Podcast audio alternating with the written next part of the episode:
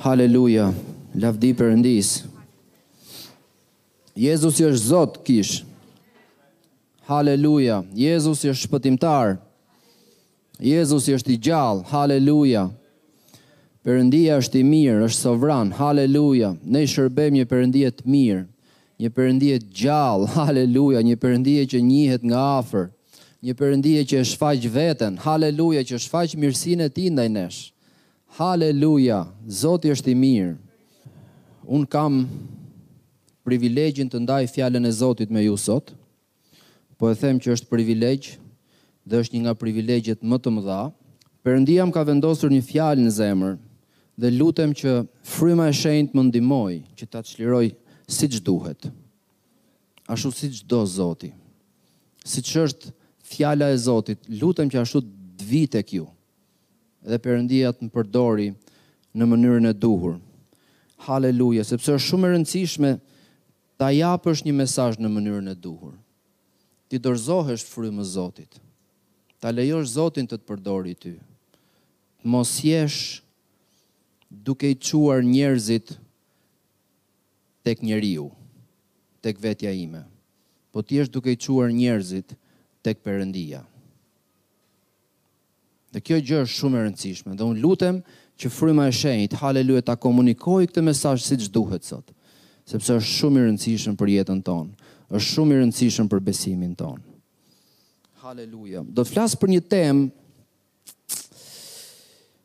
uh, është në fakt shumë delikate si temë. Po është aq sa e rrallë për ta prekur dhe për ta studiuar nëpër kishat tona, aq është edhe e përditshme. Dhe ne e hasim këtë problematikë përditë. Dhe tema për cilën unë dua të flas sot ka të bëjë me idhujt. Ka të bëjë me idhujt. Tani kjo nuk është një orë mësimi në shkollë biblike, që do i marrim me radhë ç'do të thotë idhull, çfarë është idhull, Si ta dallojmë një idhull, sa lloj idhujsh ka? Ky është një mesazh që Perëndia ma ka vënë në zemër dhe më ka trazuar mua fort, kur kam qenë duke lexuar Fjalën e Zotit në vetminë time. Për shumë muaj, për shumë muaj, për shumë muaj, rri edhe më kthehet ky mesazh. Dhe e mendoj vazhdimisht. Dhe vargu që unë kam qenë duke lexuar, pasazhi që unë kam qenë duke lexuar në Fjalën e Zotit, është tek Veprat e Apostujve, kapitulli 7. Veprat e Apostujve, kapitulli 7. Tek Veprat e Apostujve, kapitulli 7, është historia e Stefanit. Stefani ishte një dishepull i Zotit Jezus, që filloi t'i shërbente Perëndisë me fuqi të madhe dhe të bënte shenja dhe mrekulli. Dhe krerët fetarë të judenjve në Jeruzalem u zemëruan, e morën për ta vrarë dhe i bënë një gjyq publik. Dhe në mes të këtij gjyqi, ai ngrihet dhe flet. dhe iu bën atyre një fjalim të gjatë të gjithë historisë së popullit të Izraelit. Nëse do ta lexoni gjithë kapitullin shtatë, ai fillon dhe i përmend Abrahamin, Moisiun. Përmend një historik të gjatë të popullit të Izraelit për t'ju vënë atyre priftërinjve, skribëve, farisenjve, për t'ju vënë atyre një një kontekst për atë ku duhet të godiste. Dhe unë isha duke lexuar dhe ore ku do të dali ky? Se shumë gjatë po i bie. Ku do të dali Stefani tek mesazhi i tij? Dhe duke lexuar, duke lexuar, duke lexuar, arrita tek vargu 42. Veprat 7:42. Atëherë thotë Perëndia u tërhoq dhe i la T'ju shërbejnë ushtrisë së qiellit, ashtu siç është shkruar në librin e profetëve. Tani, Stefani po citon profetët. O shtëpi e Izraelit! A më keni kushtuar flijime dhe holokauste për dyzet vjet në shkretirë? Zoti përmes profetëve bën një pyetje popullit të tij, A më keni kushtuar flijime dhe holokauste për dyzet vjet në shkretirë? Është pyetja e Zotit. Vargu dyzet e tre është përgjigja e Zotit. Zoti përgjigjet po vetë. Apo më shumë mbartët çadrën e Molekut dhe yllin e perëndisë tuaj Remfan, imazhe që i bëtë vetë për t'i adhuruar, Për këtë arsye unë do t'ju shpërngul përtej Babilonisë. Dhe kur lexova këtë varg, zemra ime u u godit fort. Dhe fillova m'u hap si një pamje përpara syve. Tani histori, historia e Izraelit është shkruar në Bibël, domethënë për qindra vite, ne shohim mbret pas mbreti, mbretëri pas mbretërie, profet pas profeti, kemi të regjistruar në Bibël një histori shumë të gjatë se çfarë ndodhi me popullin e Izraelit dhe idhujt u bënë një gjë, një çështje e madhe midis Zotit dhe Izraelit. Por kur ishin në në në Izrael, kur kishin hyrë në Tokën e Premtuar, idhujt u bënë një gjë e madhe, domethënë vinte një mbret, ngrinte idhuj, vinte një tjetër e donte Zotin i shkatërronte, vinte ky tjetri nuk e donte Zotin i ngrinte prapë, ngri idhuj shkatërro idhuj, bjer në robëri, kthehu, çlirohu, Perëndia i çlironte përmes njerëzish që ai vajoste dhe ata binin prapë në robëri, Ndiqnin idhujt e tyre dhe idhujt midis Izraelit dhe Perëndisë, idhujt u bënë një problem i madh dhe ok, këtë ne e kemi lexuar Biblën dhe është gjithandej e shkruar në Bibël. Ajo që më goditi mua te ky varg është që Zoti thotë për 40 vjet në shkretirë. Oh, një sekond.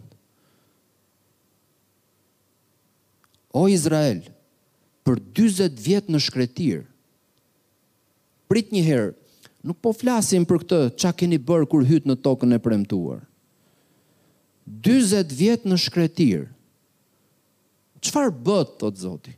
A më ofruat mua flijime dhe holokauste, apo më shumë mbartët në çadrat tuaja idhujt tuaj? Unë u futa pak bëra një kërkim në internet, Moleku ishte një perëndi të cilit i flijoheshin fëmijë të vegjël. I flijoheshin bebe të vogla. Dhe në, në krahasuar perëndia i atyre kombeve në lindjen e mesme, po kur vinim tek mitologjia greke ishte Saturni. Dhe Saturni ishte një zot tiran, ça janë këto që hante fëmijët e tij. që hante fëmijë të vegjël. Dhe këtij perëndie të rremë, këtij idhulli, populli i Izraelit i mbajti nëpër çadra një imazh me vete 40 vjet në shkretirë. Po tani prisni një sekond, se është i njëjti popull që kaloi detin e kuq. Është i njëjti popull që piu ujë nga shkëmbi. Është i njëjti popull që hëngri mana për 40 vjet. Bukë nga qielli. Është i njëjti popull që pa zjarrin e Zotit të vinte në tabernakullin që ndërtoi Mojsiu. Është i njëjti popull që pa lavdinë e Zotit të zbriste në majën e malit Sinai, në re të dendura në tym, dhe bubullima, dhe Zoti gjëmoi me zërin e tij, sa populli u tremb dhe ia mbathi këmbëve. Aq e tmerrshme ishte pamja, thuhet në Bibël, sa nuk guxonin t'i afroheshin, dhe thanë, Të lutem, mos na flasi Zoti më, se nuk e durojmë dot, të, të afrohet Moisiu dhe t'i flasi Moisiut. I njëjti, i njëjti popull, që kaloi nëpër këto gjëra, i njëjti popull, të njëjtët njerëz, që panë mrekulli, panë gjykimin e Perëndisë mbi ata që nuk u bindën, mbi ata që u rebeluan kundër Mojsiut dhe kundër Aronit, u hap toka dhe i përpiu të gjallë. Dhe Bibla thotë zbritën të gjallë në Sheol. Dhe populli thotë u tmerrua. Është i njëjti popull që pa mrekulli pas mrekullie, është i njëjti popull që ishin skllav në Egjipt dhe egjiptasit i kishin shtruar nën këmbë me kamzhik në dorë dhe i trajtonin si skllevër në mënyrë të ashpër dhe ngrihet perëndia i tyre, perëndia i etërve të tyre dhe thotë lëre popullin tim të lirë. i thotë faraonit, dhe Perëndia fillon të godasi Egjiptin me shenja shumë të forta. Me plagë shumë të rënda. Dhe nëse do t'i hyjmë, t'i studiojmë ato plagë, Perëndia i anulloi perënditë e Egjiptit një nga një. Perëndia më e lartë që adhurohej në Egjipt ishte dielli. Dhe Perëndia thotë, Bëri errësirë të dendur mbi gjithë Egjiptin. Por tek populli i tij kishte dritë. Dhe Perëndia tregoi se kush është Zot. Kush është Zoti i vërtetë? Dhe ata kishin Perëndi, keni parë ato figurat nëpër Piramidat e Egjiptit njerëz me kokë maceje me kokë shqiponje me kokë kështu me kokë ashtu sepse ata kishin imazhe sipas kafshëve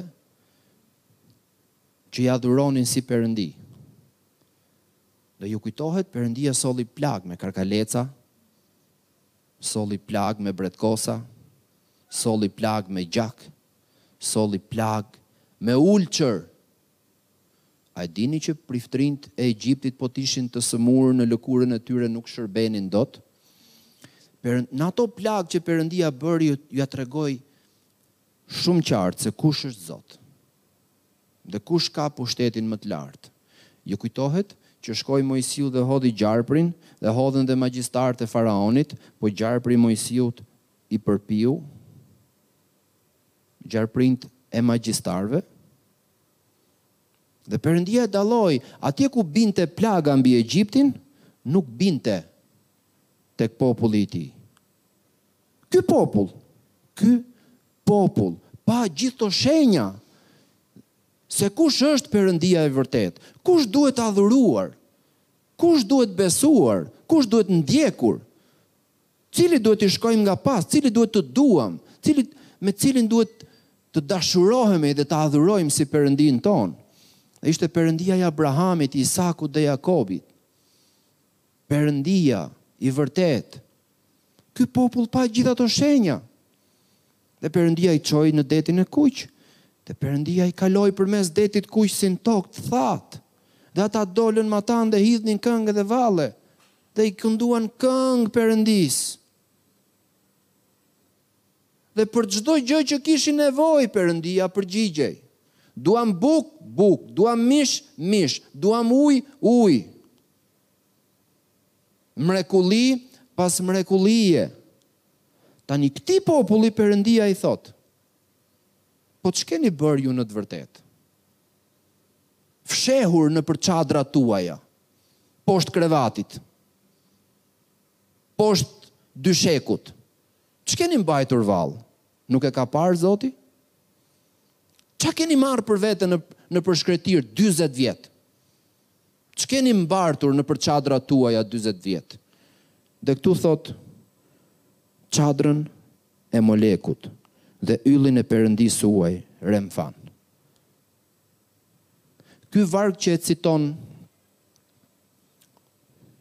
Stefani është tek profeti Amos, kapitulli pesë, vargu njëzet e pesë. nëse doni që ta lexoni edhe atje. Vetëm se do të gjeni terma të ndryshëm, sepse Dhjata e Vjetër është shkruar në gjuhën hebraike dhe Dhjata e Re, që janë Veprat e Apostujve, është shkruar në gjuhën greke, greqishten e lashtë. Dhe aty do të gjeni fjalë të ndryshme për këto lloj, për këto perënditë që thuhet këtu. Është thjesht çështje fjalori, por është i njëjti varg. Këtij populli Perëndia i thotë, Për dyzet vjet ecët me mua në shkretirë, po vallë a më kushtuat mua holokauste dhe flijime, apo më tepër mbartët idhujt tuaj? Vëllezër dhe motra, ky varg ne duhet na bëjë që të dridhemi. Ky varg ne duhet na bëjë që të vim në vete. Idhujt, idhujt, idhujt ishin rrënja e fshehur prej nga buronte zemërngurtësia e Izraelit. Nuk ishte rastësi, nuk ishte rastësi që ai popull nuk hyri dot në tokën e premtuar. Nuk ishte rastësi që ai popull sapo shihte mrekulli, të nesërmen ankohej. Nuk ishte rastësi, sepse brenda, fshehur nëpër çadrat e tyre, qëndronin idhuj. Qëndronin idhuj. Dhe ata mbartin idhujt me vete. Dhe idhujt e vegjël, gjithmonë prodhojnë një idhull të madh. Dhe çfarë ndodhi në një moment kur Moisiu po vononte që të zbriste nga mali? Ju kujtohet? Ata u mblodhën rreth Araonit edhe i thanë, "Ku është Moisiu? Ka 40 ditë që nuk e shohim." Ka ka humbur, nuk e dim ça i ndodhi. Ça të bëjmë ne tani këtu? Hajde bëjmë një perëndi tjetër. Dhe Aroni tha, më sillni çik arin tuaj, dhe ata i sollën ar, dhe ai ndërtoi një viç prej ari. Dhe ata filluan ta adhurojnë, dhe filluan të këndojnë këngë dhe valle dhe finduan dhe dhe bënë festë rreth atij viçi dhe filluan t'i thonë njëri-tjetrit ky viçi këtu prej ari ky është perëndia që të nxorri nga egjipti idhujt e vegjël të fshehur prodhojnë gjithmonë idhuj të mëdhenj të shfaqur dhe nuk është rastësi Nuk është rastësi që shkuan deri mu afër Tokës së Premtuar dhe kur ishin gati për të hyrë brenda,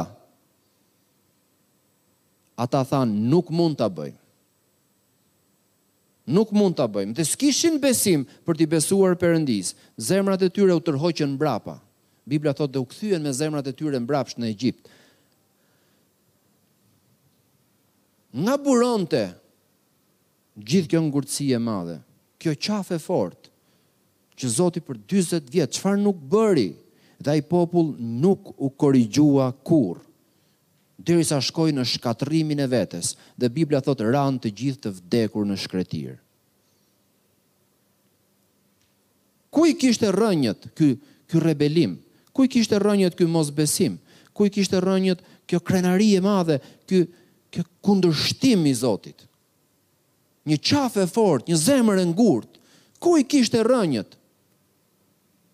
Në idhujtari. Ka idhuj të fshehur. Ka idhuj të fshehur. Më vonë, në kohën e Jozueut, ne shohim që ata pushtojnë një qytet që ishte Jeriko, dhe Perëndia dha urdhër, Çdo send me vlerë brenda atij qyteti do të shkatërrohet. Njerëz, ar, argjend, kafshë, të mira materiale, ushqimet, çdo gjë do të shkatërrohet. Dhe njëri nga këta të mençurit mori një dy shufra ari dhe ku i çoi? I fshehu ku? në çadrën e vet. Vallë ça ka pas tjetër të fshehur atje në çadrën e vet ai? Këto idhuj që thot Perëndia. Këto idhuj që thot Perëndia. Tani kjo është ajo që i ndodhi popullit Izraelit. Kjo është ajo që ne shohim që Perëndia i qorton ata. Kjo është ajo që e bëri Izraelin të ishte me dy mëndje, dhe të mos e ndante mëndjen kush është Perëndia i vërtetë. Dhe vazhdon historia, kalojnë mijëra vite, deri në kohën e Elias, u detyrua t'i marri profetët e Baalit në malin Karmel dhe t'i thotë, ndajeni mëndjen sot, o Izrael, kujt do t'i besoni, Baalit apo Perëndisë? Akoma nuk e kishin ndarë mendjen se kujt t'i besojnë. Salomoni që ndërtoi tempullin e Perëndisë në Jeruzalem. Në fund të jetës tij iu dha kujt idhujve. Idhuj, idhuj, idhuj. Tani Është një ngjarje shumë e bukur në kohën kur Izraelin e kishin çuar në robëri. Dhe ishte në atë kohë Izraelit fjala e Zotit i drejtohej profetit Ezekiel dhe ai i fliste popullit në emrin e Zotit. Tek Ezekieli katërmbëdhjetë, vargu një deri në katërmbëdhjetë. A i kemi vargjet këtu çuna në ekran?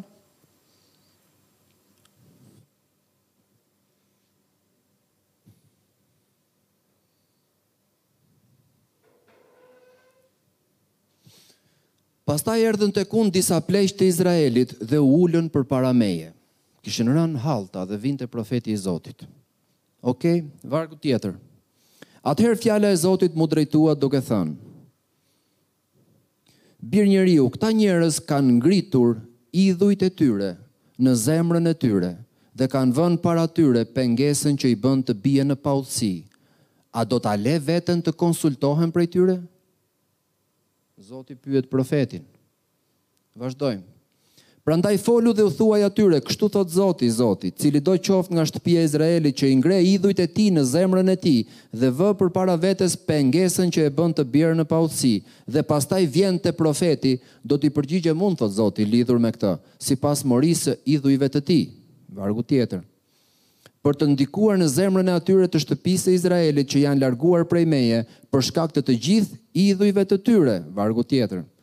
Prandaj thuaj shtëpisë së Izraelit, kështu thotë Zoti, Zoti, konvertohuni, largohuni nga idhujt tuaj dhe hiqni fytyrën nga të gjitha gjërat tuaja të neveritshme.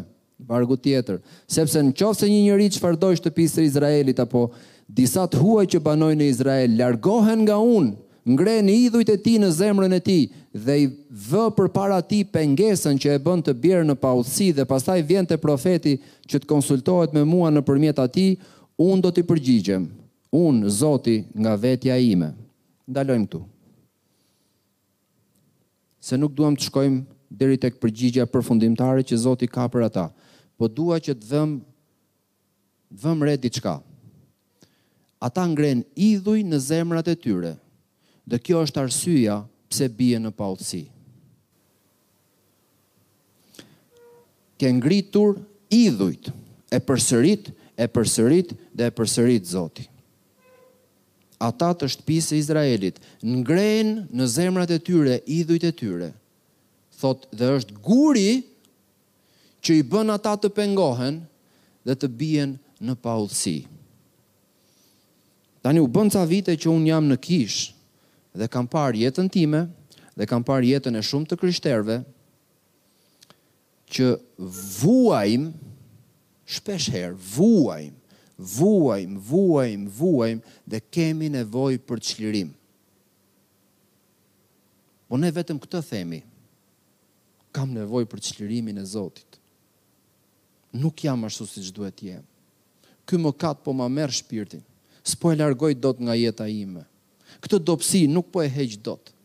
Këtë paudhësi, këtë ves të keq, këtë dobësi mishi, këtë gjë nuk po e largoj dot nga jeta ime. M'është bërë si si lak rreth qafës. Nuk po e heq dot, nuk po e heq dot, nuk po e heq dot. Dhe ne merremi me me paudhësinë. por ka një idhull të fshehur diku, që është ngritur në zemrën tonë, që na bën ne të biem në paudhësi. Duhet gjejmë idhullin. Duhet gjejmë idhullin. Dhe zakonisht është shumë kollaj të urresh paudhësinë. Por idhullin e do. Një besimtar e bën të rrëzohet ajo që ai do, jo ajo që ai urren. Nëse do të ishte vetëm për gjëra që ne urrejmë, do të ishte kollaj. Ne na rrëzon gjërat që duam dhe gjërat që duam shpesh janë idhull.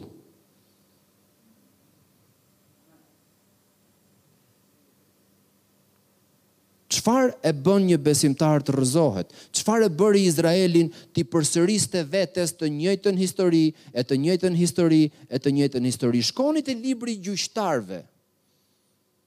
Dhe pas çdo kapitulli do të vini re, dhe Izraeli u largua nga Zoti, dhe përqafoi idhujt e popujve të tjerë, dhe Zoti i braktisi, dhe ata ranë në duart e popullit filan që i skllavëroi.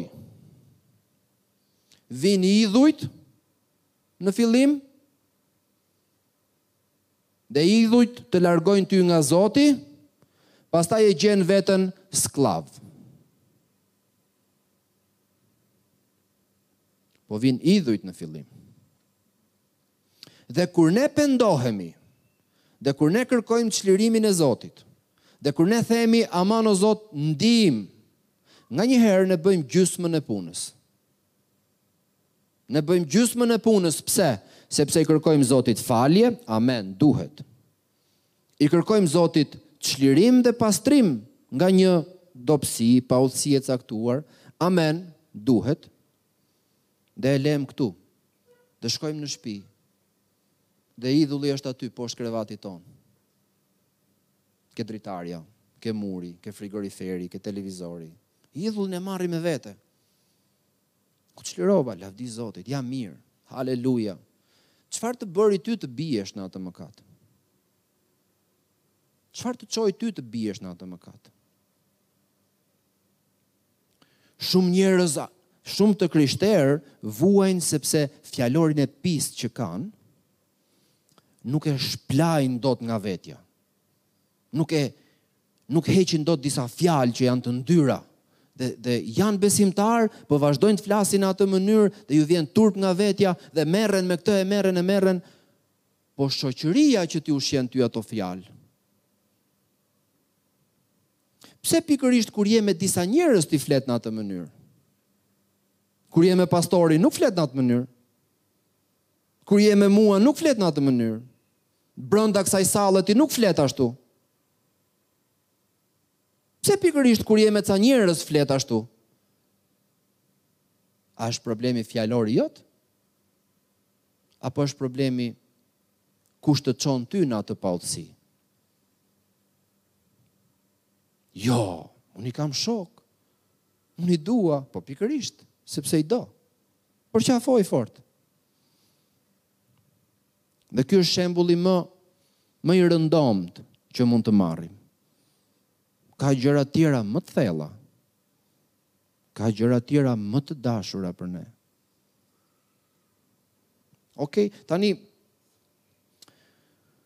nëse Izraeli ishte në atë gjendje, dhe unë ju thashë që vinte Koha kur ata largoheshin nga Zoti, binin në idhujtari dhe direkt skllavëroheshin nga popuj të tjerë. Dhe ata i klithnin Zotit për ndihmë, dhe Zoti sillte një çlirimtar. Në momentin që e sillte atë çlirimtari, gjëja e parë që Zoti i kërkonte atij ishte të hiqte idhujtarinë. Ju kujtohet historia e Gideonit? Ok. Gjyqtarët, kapitulli 6, vargu 25.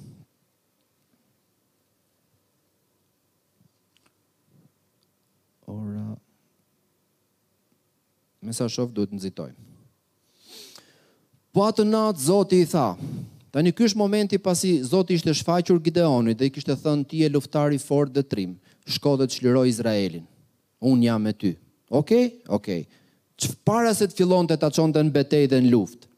Po atë natë Zoti i tha, Merr demin e atit tënd dhe demin e dytë shtatëvjeçar, shemb altarin e Baalit që i përket atit tënd dhe rrëzo Asherahun që i qëndron afër. Vargu tjetër. Pastaj ndërto një altar për Zotin Perëndinë tënd në majë të këtij shkëmbi, simbas rregullit të caktuar. Pastaj merr demin e dytë dhe ofroje si holokaust mbi lëndën e drurit të Asherahut që do të kesh rrëzuar. Vargu tjetër. Atëherë Gideoni mori dhjetë burra në mes të shërbëtorëve të tij dhe veproi ashtu siç i kishte thënë Zoti, por meqenëse kishte frikë nga shtëpia e atit të tij dhe nga njerëzit e qytetit, në vend që ta bënte këtë punë ditën e bëri natën. Ndalojmë këtu. Para se populli të çlirohej, duheshin thyer idhujt dhe duheshin bërë copë-copë. Dhe ky djali që Zoti e quajti luftëtar trim, Kishte frikë të rrëzonte idhujt. Kishte frikë nga i ati dhe kishte frikë nga njerëzit e qytetit. Dhe e bëri natën. Dhe po të lexoni historinë aty, të nesërmen pati një debat. U mblodh gjithë qyteti dhe kërkuan për ta vrarë Gideonin, se na ke prish Zotin. Dhe mos harroni që ata po rënkonin dhe ishin të zhvatur në maksimum nga popujt e tjerë. Ishin në skllavëri dhe nuk i shkonte mendja të ktheheshin tek Zoti dhe t'i shembnin vetë ato altarët, por nëse dikush i shembte, ata vinin dhe i hakrreheshin. Keni parë ndonjë besimtar në kishë që për shembull pastori apo një besimtar tjetër shkon edhe i prek një buton të caktuar në jetën e tij dhe i thotë hiqe këtë gjë. O kush je ti që do më mësosh mua? Larg prej meje satan! Unë e di vetë se ça bëj me jetën time. Kush do më mësojë mua, kush do më Pikërisht, kjo është shenjë për idhujtari. Tani ne po qëndrojmë shumë tek dhjata e vjetër dhe po tregojmë se sa punë ju prishën atyre idhujt. Po të vijmë në ditët tona. Unë kam nxjerrë disa vargje dhe për hir të kohës do t'i kalojmë shpejt, sepse nuk kemi kohë të qëndrojmë gjatë. Por tek letra e parë e Gjonit, vargu i fundit i letrës, kapitulli pesë vargu njëzet e një, Gjoni thotë, pasi ka dhënë gjithë ato vargje dhe zbulesa të mrekullueshme, Gjoni e mbyll letrën e tij dhe thotë, Djema, ruajeni veten nga idhujt. Le të themi gjithë bashkë, jo vetëm Izraeli. Po edhe unë si krishterë mund të prekem nga idhujt. Një Korintasve 10, vargu 1 deri 7, Pali thotë, të dashur thotë, të gjithë ata që kaluan me Moisiun nëpër detin e kuq, dhe të gjithë ata që qëndruan poshtë të njëjtës re, Thotë të gjithë kaluan. Dhe thotë u pagëzuan në Moisiun. Në atë lavdi që shfaqi Perëndia, në atë besim që shfaqi Perëndia në kohën e Moisiut, të gjithë ata morën pjesë dhe u bënë pjesë e mrekullive. Thotë, Por, Pali thotë pastaj, te një Korintasve dhjetë, thotë, Por ranë të gjithë të vdekur në shkretirë. Prandaj edhe ne, thotë, se këto gjëra janë shkruar që të mos na ndodhin ne, siç u ndodhi atyre. Këto gjëra janë shkruar, thotë Pali, për mësimin tonë. Një Korintasve dhjetë, vargu një deri shtatë. Dhe thotë të mos dëshirojmë edhe ne gjëra të liga siç dëshiruan ata dhe të mos biem në idhujtari siç ranë ata. Më troç se kaq s'ka ku të vejë. Le të themi bashkë, Unë mund të bie në idhujtari siç ra Izraeli.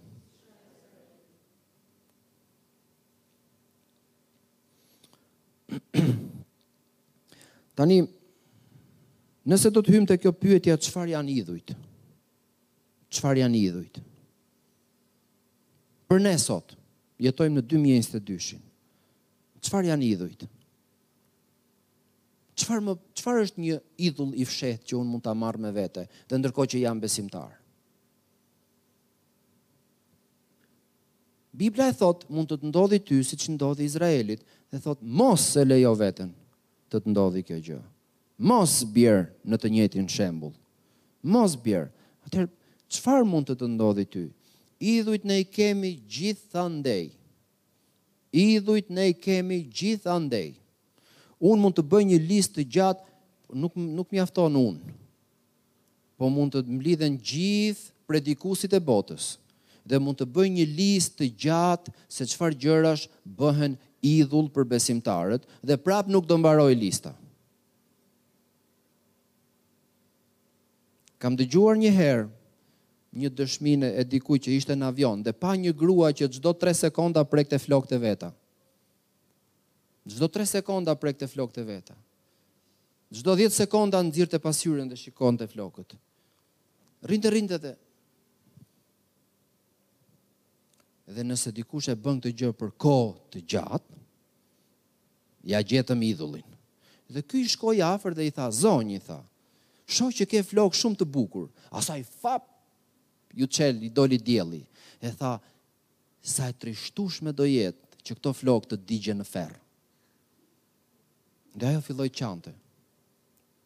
U, u tremb, u tmerrua. Dhe ky i tha, di unë një rrugë se si mos përfundosh në ferr. Beso tek Zoti Jezus. Dhe ajo pranoi Jezusin. Por idhujt dallohen. Idhujt dallohen. Idhujt dallohen. Ju kujtohet historia e të riut pasanik?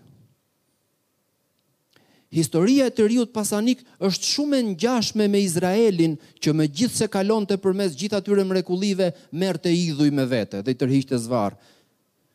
Ai vjen tek Jezusi dhe thotë, "Mësues, çfarë duhet të bëj që të trashëgoj jetën e përjetshme?"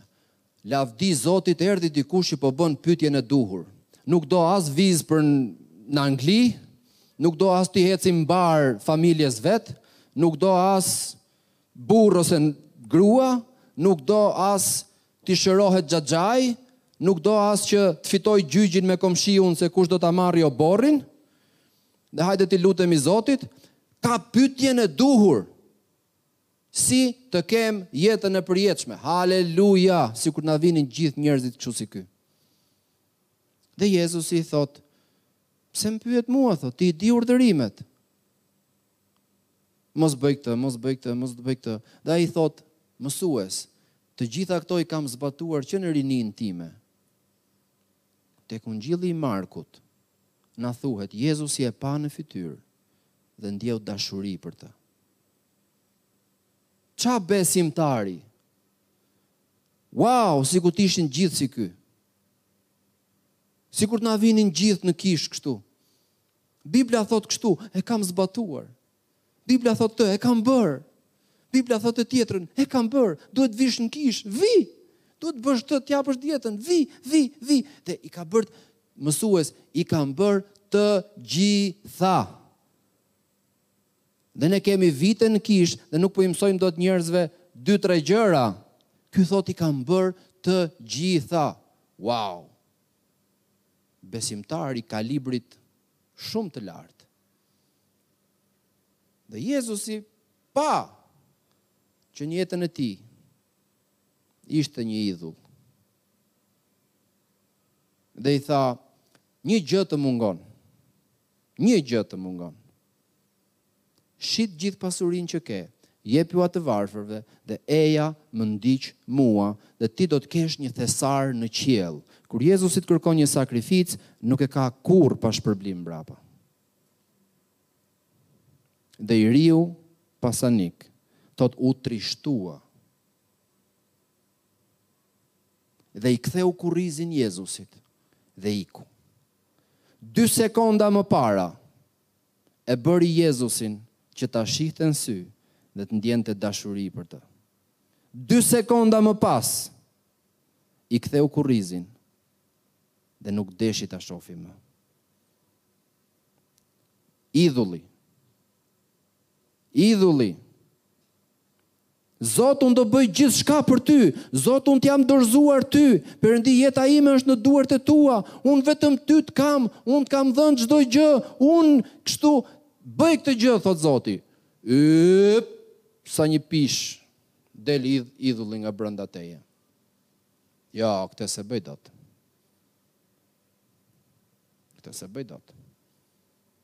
Edhe fap kurrizin, Ne shohim shumë besimtarë të tillë.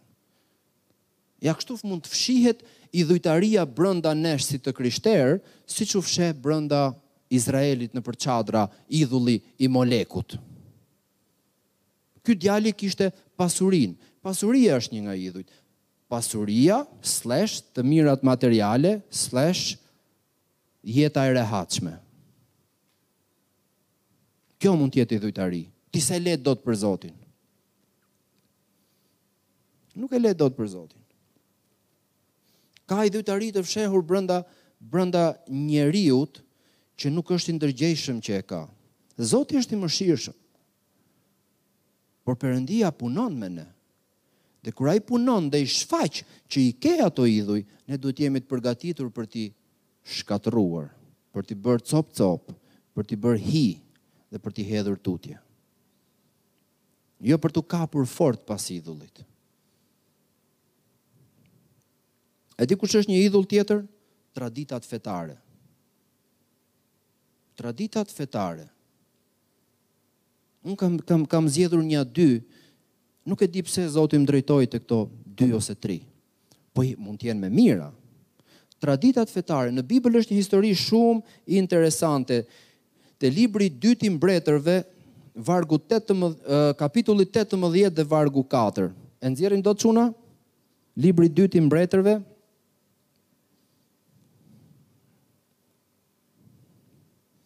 Kapitulli 18 dhe vargu 4.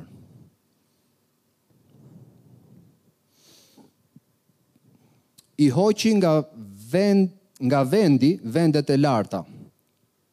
Bëri cop cop shtyllat e shenjta rrëzoi asherahun dhe bëri copë copë gjarprin prej bronzi që pat bërë Moisiu, sepse deri në atë kohë bijtë e Izraelit i kishin ofruar temjan dhe e quajti Nehushtan.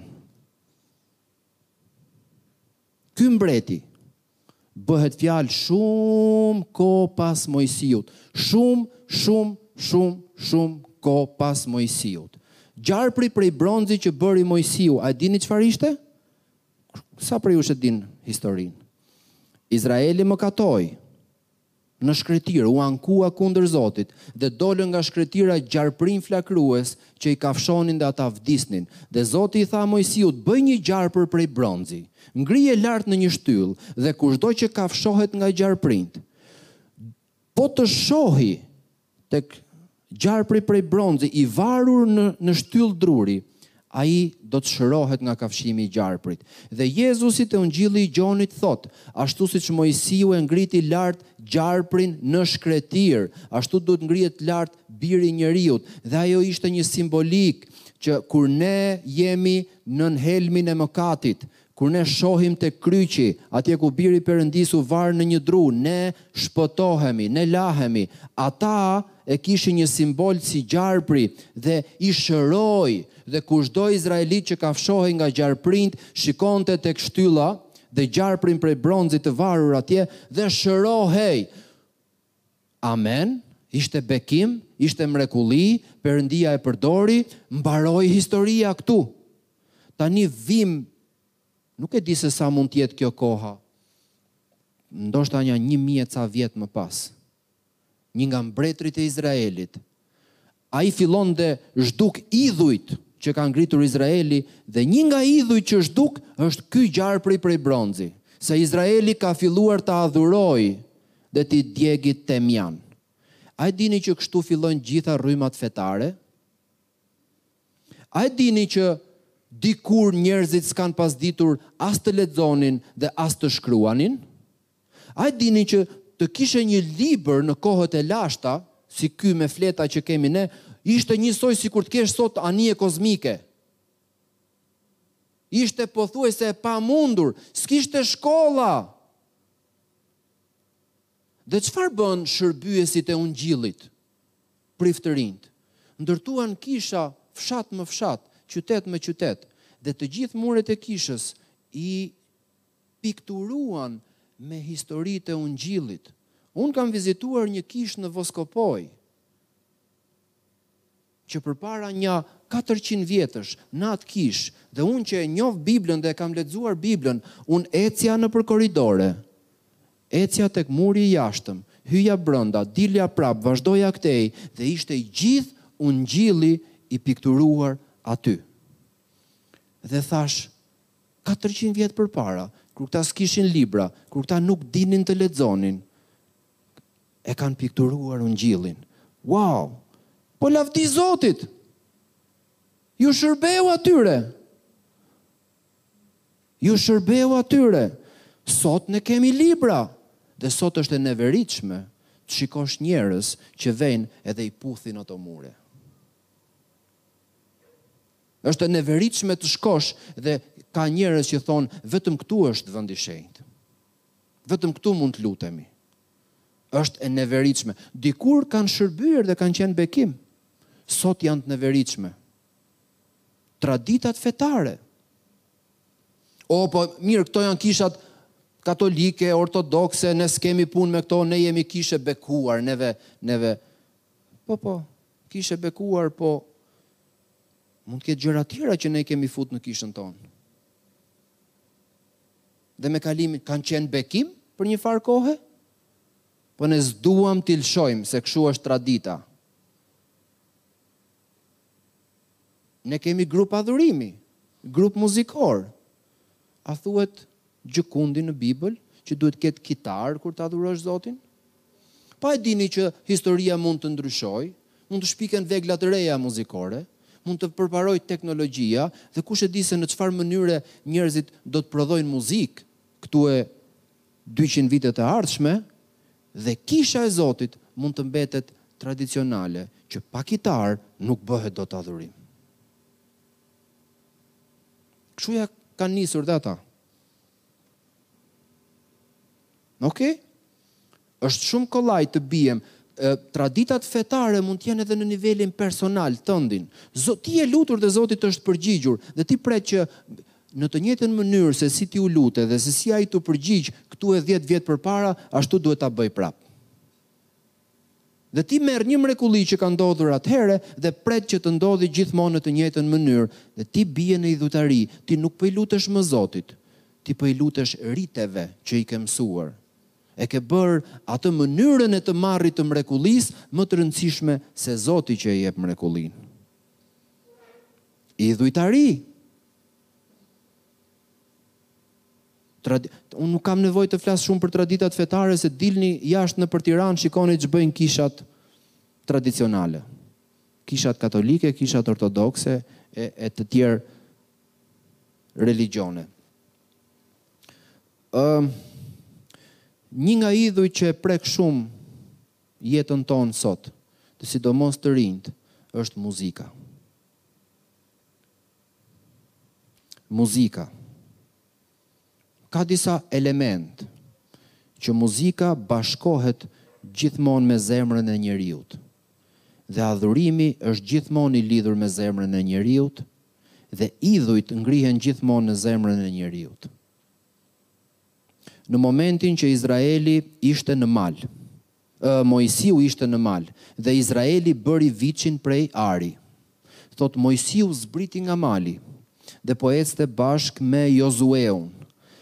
Dhe tha, Ç'është kjo zhurmë që vjen nga kampi? Jozueu tha, Paska luftë. Moisiu tha, Jo, jo, nuk është luftë. Dhe kur u afruan, panë që populli po i merrte, po këndonte dhe po hidhte valle Rreth e rrotull viçit prej ari. Atje ku ka idhuj bëhet muzikë. Atje ku ka idhuj bëhet muzikë. Muzika në qiell ka muzikë. Muzika është një mënyrë se si ne adhurojmë Perëndinë. E shohim në Bibël, nuk është traditë fetare. E shohim në Bibël. Thotë, natën që lindi Jezusi, thotë Bibla, një ushtri e madhe engjëjsh u shfaqën, lajmëruan barinjtë që po kullosnin kopetë, që lindi shpëtimtari, një engjëll i vetëm në fillim. Pastaj thotë atij engjëllit të vetëm, iu bashkua një ushtri e madhe qiellore dhe çfarë bënin? Këndonin. Në qiell këndohet. Në qiell këndohet. Tek zbulesa shohim që thotë ata këndonin një këngë të re.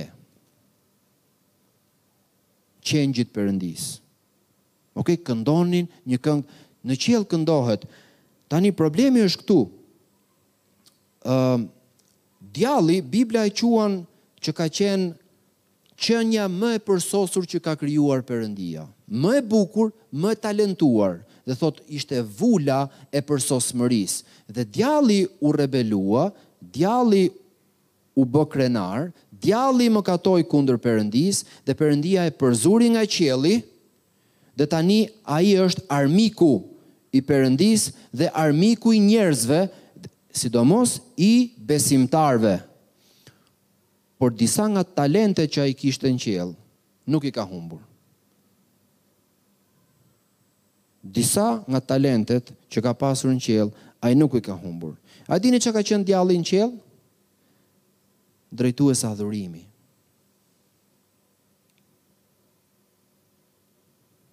Bashkë kemi fol një herë Mario, që të kam thënë djalli është muzikant, Tani, nëse doni ta vërtetoni që muzika është një idhull, a mund të futemi në internet nxjerrim ca tekste këngësh këtu? Po a do t'i lexonim dot në kishë? A do kishim guxim t'i lexonim këtu në kishë? Bota është e shthurur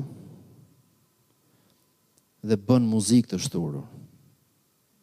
Po ajo që kam vënë re unë është që muzika e shthurur e paraprin jetën e shthurur. Në vitet diku në vitet gja, ishte një foto shumë interesante. Ishte një foto shumë interesante. Dikush kishte fotografuar tek një në Amerikë diku, ishte, më falni për shprehje, një shtëpi publike dhe aty rrinin prostitutat. Dhe te dera e asaj ndërtesës kishin bërë fotografinë e asaj prostitutës dhe ajo ishte e veshur dhe priste klient. Veshja e saj ishte më e hijshme se disa nga veshjet me të cilat gratë dhe vajzat vijnë sot në kishë. Ishte më e hijshme. Dukej, nuk dukej si prostitutë. Po e dini që në vitet gjashtëdhjetë filloi muzika të fliste në mënyrë më të përdalë? Filloi Madonna të këndonte Papa don't preach. Na na na na na. I have made up my mind, I'm keeping my baby. Muzika e shthurur paraprin gjithmonë shthurjen e një kulture, e një shoqërie, e një brezi.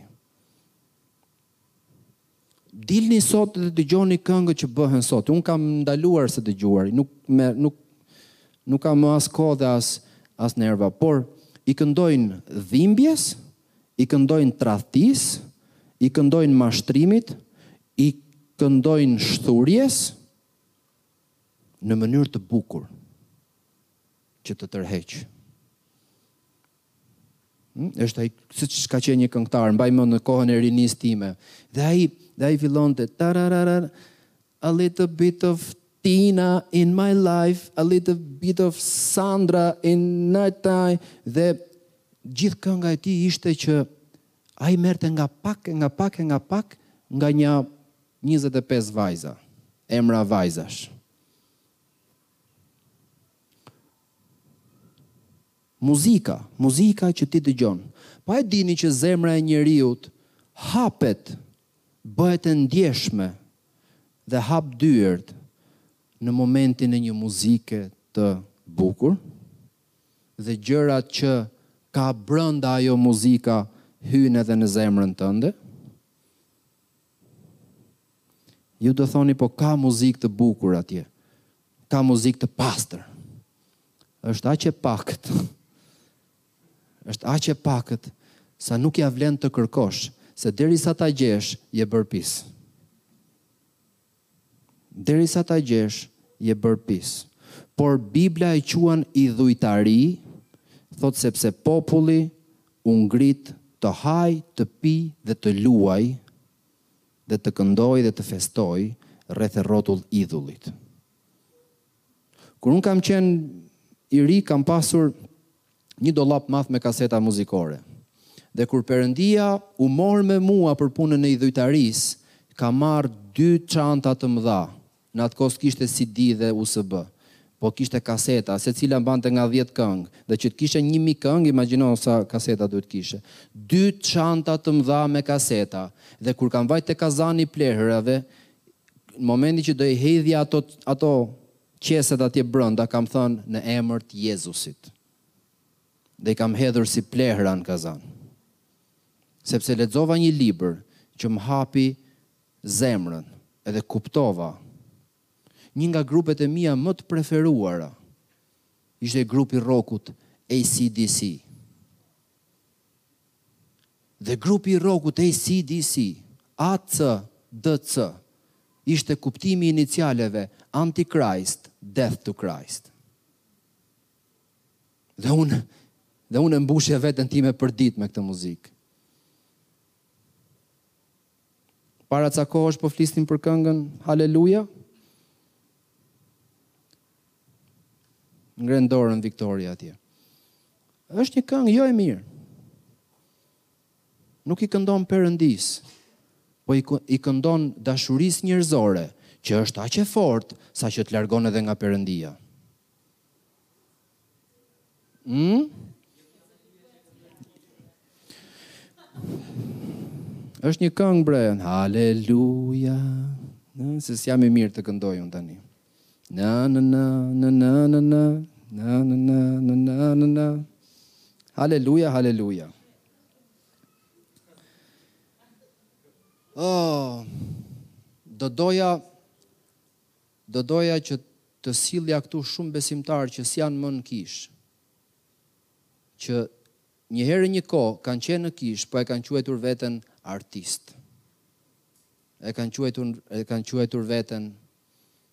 në botën e artit.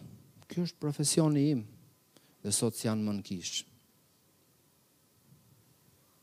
Në momentin që njeriu dëgjon një muzikë, në atë moment zemra e tij hapet. Çfarë hyn brenda bashkë me këngën? Çfarë hyn brenda? Bashkë me muzikën Pika tjetër që unë kisha shënuar këtu, po shikoj që kam edhe pesë minuta kohë, pika tjetër është veshja. Dhe këtë nuk do, nuk do doja ta thoja me fjalët e mia.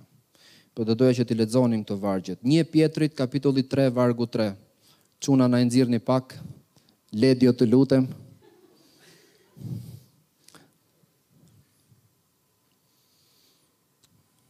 Okej. Një varg më sipër ose më poshtë, edhe një më sipër, Stolia juaj të mos jetë e jashtme, gërshëtimi i flokëve, stolisja me ar ose veshja me rroba të bukura. Ky varg në Bibël i drejtohet grave, po ky vlen edhe për çunat.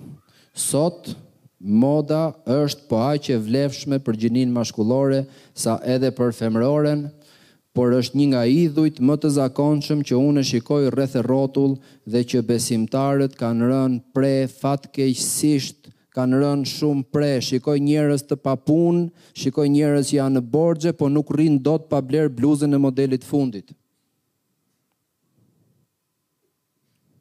shikoj njerëz që janë akoma s'kanë mbaruar shkollën dhe vijnë në kishë dhe adhurojnë Zotin dhe thonë që jemi të përulur, por dalin atje jashtë edhe thotë s'kam ça të vesh, sepse gjithë këto 150 rroba që kam në dollap, unë i kam veshur një herë në sezonin e kaluar, të vjeshtën e kaluar, ato s'bëjnë më për këtë vit. Kjo është idhujtari, pik. Dhe kam vënë re një gjë tjetër, që predikohet nëpër kisha ky vargu, sikur po i thuhet grave dhe vajzave, aman mos u zhvishni, mos u zbuloni, se në kishë duhet vishemi bukur. Jo, ky vargu nuk po thotë këtë. Sepse çështja e të zhveshurit, as nuk duhet të jetë afër mendsh, Ky vargu po thotë një gjë tjetër, mos jini të dhëna pas veshjes së bukur dhe dukjes së jashtme, me gjëra të shtrenjta, me stolitë e me të gjitha, sepse modës nuk i del fundi kurrë. Ndoshta fustani, po jo fundi. Okej, tani ju lutem juve vajzave, mos e merrni që është vetëm për ju. Është për djemtë. Është për djemtë. Kam parë çuna në kishë që blejnë atletet më të shtrenjta të mundshme. Dhe kur kur vijnë me autobus nga shpia për në kishë, nuk kanë lekë për të paguar autobuzin. Sepse i detyron të prezantuarit atje jashtë sipas modelit që ka bota. Kjo është idhujtari. Kjo është idhujtari. A e dini që ka dhe veshje me me um, që transmeton një lloj informacion, transmeton diçka, jep një mesazh. Ka veshje që jep një mesazh. A do ta dalloni dot një futbollist? Vetëm nga veshja? Patjetër. A do ta dalloni dot një balerinë vetëm nga veshja? Patjetër. A do ta dalloni dot një polic trafiku vetëm nga veshja? Patjetër. A do ta dalloni dot një njeri të përdalë? Ëh? A do ta dallonit dot një njeri që ka një problem të caktuar, do ta dallonit. Por ju lutem mos e merrni që është vetëm për ju vajzat. Tani këto vargje që do lexojmë tani janë çik më shokuese. Unë unë kur e kam lexuar këtë pasazh, kam mbajt një shënim, kam thënë çfarë tha Perëndia kur mori pjesë në një fa, në një sfilatë mode. Mendojeni një herë. Moda, fashion, revista, televizioni, na rrethon neve kudo sot? Veshjet që ne marrim nëpër dyqane, kudo lexohet stili i ri, modelet e reja, ë dimër 2022, po afrohet, mos nguroni të vini t'merrni modelet e reja, moda është gjithçka. Çfarë tha Perëndia kur vizitoi një sfilatë mode?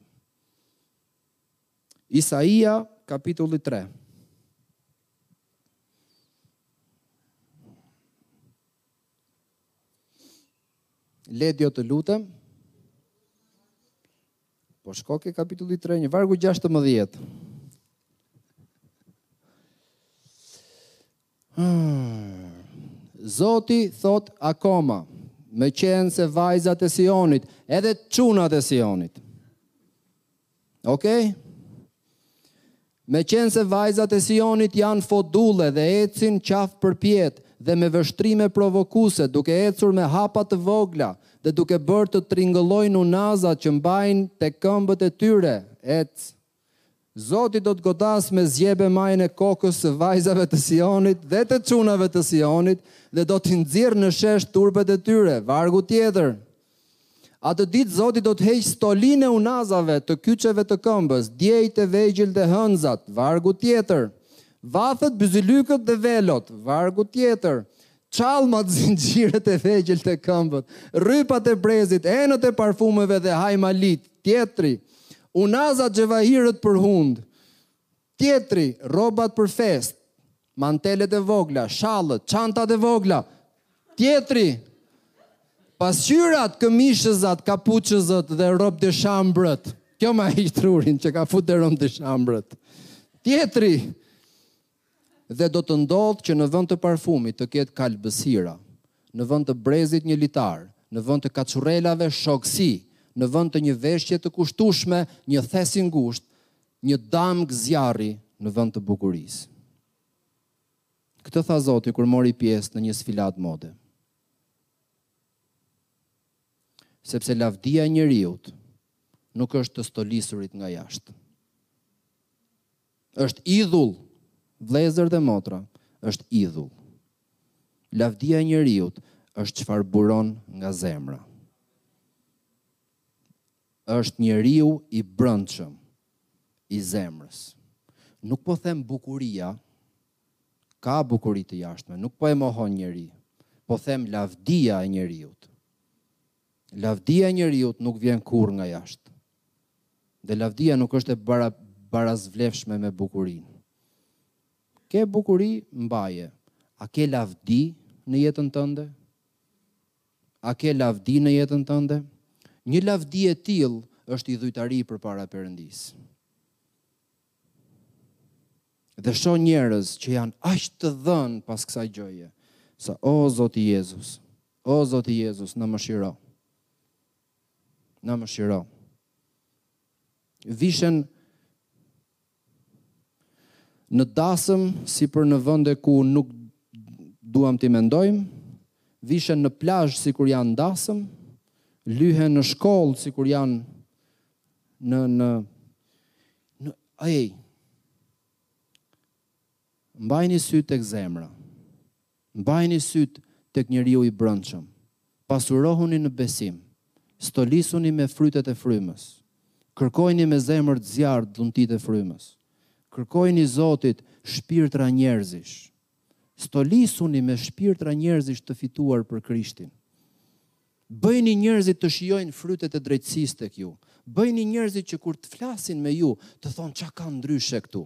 Një gjë më shijon ndryshe. Bëjini njerëzit që të mos ju përmendin, përflasin edhe për shkak se sa la, sa lavdishëm visheni ju, por për shkak se çfarë del nga përbrenda jush. Sepse ajo që rival, ajo që të ndalon ty të japësh frute për Perëndinë është idhull. Është idhull. Amen. Do ta mbyllim këtu. Por mbajni sytë hapur, djema, thotë Gjoni, ruajeni veten nga idhujt. Pali thotë, Janë shkruar këto gjëra që të mos na ndodhi ne, siç i ndodhi Izraelit. Jo, ne s'na ndodh! Nëse për dyzet vjet ata kaluan mrekulli pas mrekullie, mrekulli pas mrekullie, mrekulli pas mrekullie dhe nëpër çadra kishin të fshehur idhujt e tyre, çfarë na bën ty dhe mua të mendojmë se ne nuk kemi idhujt tanë të fshehur nëpër xhepa edhe nëpër shpitë tona, edhe nëpër çantat tona. Patjetër që kemi, dhe patjetër që mund të rrëzohemi, dhe patjetër që mund të biem. Dhe idhujt nuk janë gjithmonë magjistarët, vendet ku ndizen qirinj, vendet ku sakrifikohen kafshë dhe bëhen flijime bestytnish edhe ku është budizmi, ku është hinduizmi, ku janë këto perënditë e rreme, idhuj janë ato, patjetër që janë idhuj. Po ato nuk i marrim zakonisht nëpër çadrat tona ne. Tjera gjëra, nga këto çallmërat dhe këto rob de shambrët, nga këto marrim ne.